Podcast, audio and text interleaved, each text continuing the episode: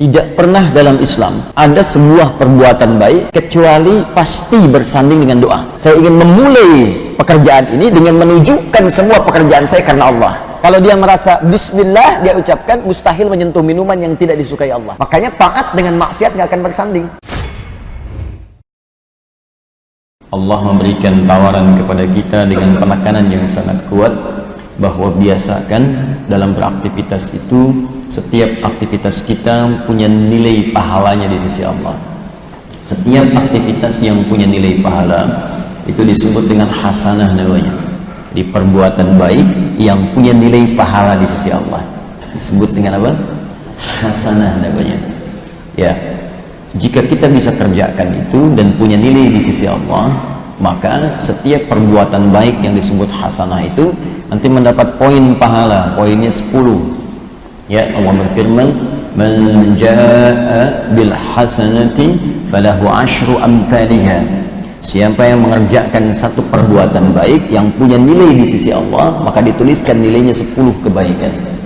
Ya 10 itu itu batas paling sedikit paling minimal. Bahkan kita datang ke masjid saja baru tiba itu belum apa-apa. Untuk niat ibadah ya. Saya pengen niat ibadah di masjid ingin sholat, ingin baca Al-Quran, ingin ikut ta'lim, kan? Itu baru datang saja di hadis Muslim disebutkan dapat 25 kebaikan. Jadi 10 itu batas paling kecil. Ya, dapat 25 baru datang. 25 itu kata Nabi jangan dihitung 1, 2, 3, 4 terlalu sedikit. Jarak satu keduanya 500 tahun. Dua ketiganya 500 tahun. Tiga keempatnya 500 tahun. Demikian sampai ujungnya.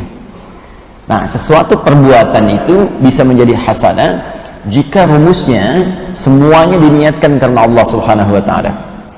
Nabi memberikan detil. Niat itu nanti bisa diwujudkan lewat doa. Di doa itu bukan sekedar permohonan yang ditujukan kepada Allah, tapi secara otomatis menjadikan pekerjaan yang kita doakan dengan iringan tadi itu sekaligus menjadikan perbuatan itu sebagai ibadah di sisi Allah Subhanahu wa taala. Karena itu saya sering sampaikan di beberapa kesempatan tidak pernah dalam Islam ada sebuah perbuatan baik kecuali pasti bersanding dengan doa. Dari bangun tidur sampai tidur lagi. Pasti ada doanya. Silahkan Anda cek dan Anda hitung. Kita bangun tidur sudah ada doanya. Ya, dan silahkan bandingkan dengan kepercayaan lain misalnya. Akan sulit ditemukan seperti itu. Kita mau makan ada doanya. Berpakaian ada doanya bahkan ke toilet pun ada doanya. Masuk dengan keluar beda. Masuk masjid ada doanya. Masuk keluar beda. Bekerja ada doanya. Naik kendaraan pun ada doanya. Semua ada doanya.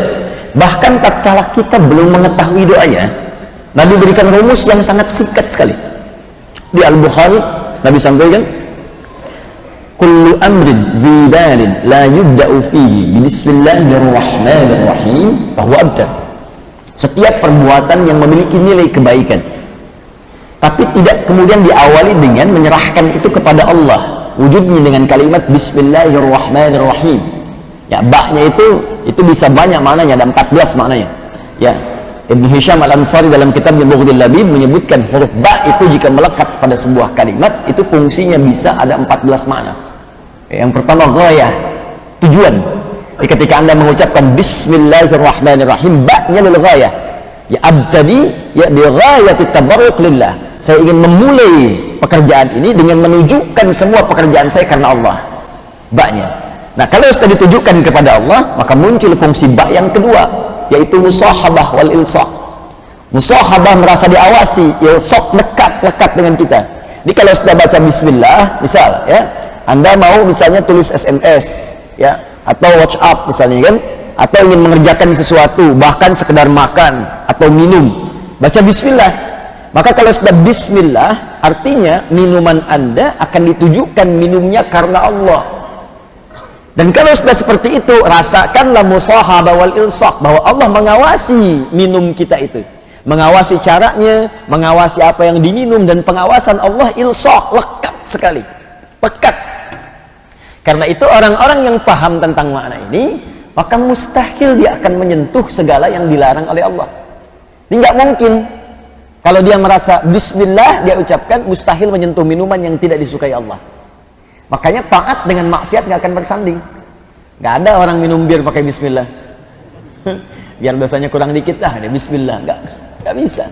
Ya. Karena kalimat itu bersanding dengan kebaikan. Jadi begitu diucapkan bismillahirrahmanirrahim, maka dituliskan pahalanya. 10. Nah, karena itu, teman-teman sekalian, Bapak dan Ibu, semua fitrah kita, jika iman masih ada dalam jiwa kita, itu pasti iman kita itu akan mendorong perbuatan pada hasanah. Semua pasti jadi ibadah. Jalannya ibadah, makannya ibadah, sampai tidur pun pasti jadi ibadah. Makanya sebelum tidur ada doa. Coba lihat, bangun tidur ada doa, mau tidur ada doa. Eh, paling enak tuh, nggak ngapa-ngapain ada pahala gitu. Tak tidur, semuanya nggak ngapa-ngapain, tapi ada pahalanya. Dituliskan tuh 10, 10 kebaikan. Nah nanti yang 10 ditulis, ditulis, ditulis, diakumulasikan, dicatat oleh malaikat, sebelum kita meninggal dalam sakaratul maut, ditampakkan pahala itu.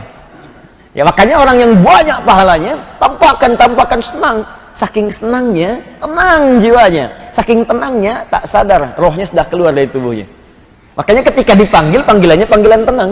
Quran surah ke-89, ayat 27 sampai 30. Ya ayyatuhan nafsul mutmainna. Hei jiwanya yang sedang tenang dan senang. Tenang dan senang. Di saking merasa tenang itu, jiwa itu nggak kerasa.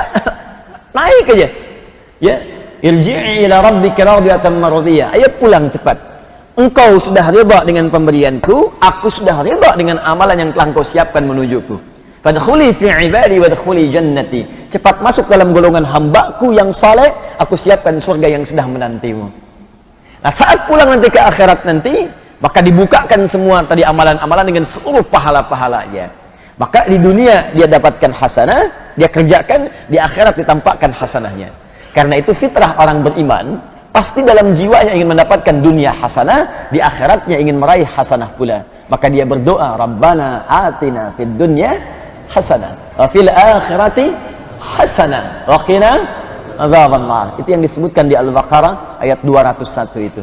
Maka itu di antara poin pentingnya, ke sananya adalah bentuknya pengakuan-pengakuan, tapi itu pilihan bagi anda. Mau kerjakan bagus, mau tidak kata Allah saya nggak paksa, tapi masing-masing akan mendapatkan resiko ketika kembali kepada Allah Subhanahu wa taala. Dan imam kita membacakannya dengan sangat bagus tadi dan menghadirkan penghayatan yang sangat luar biasa dan semoga Allah merahmati seluruh imam-imam dan seluruh orang-orang baik di muka bumi ini insyaallah.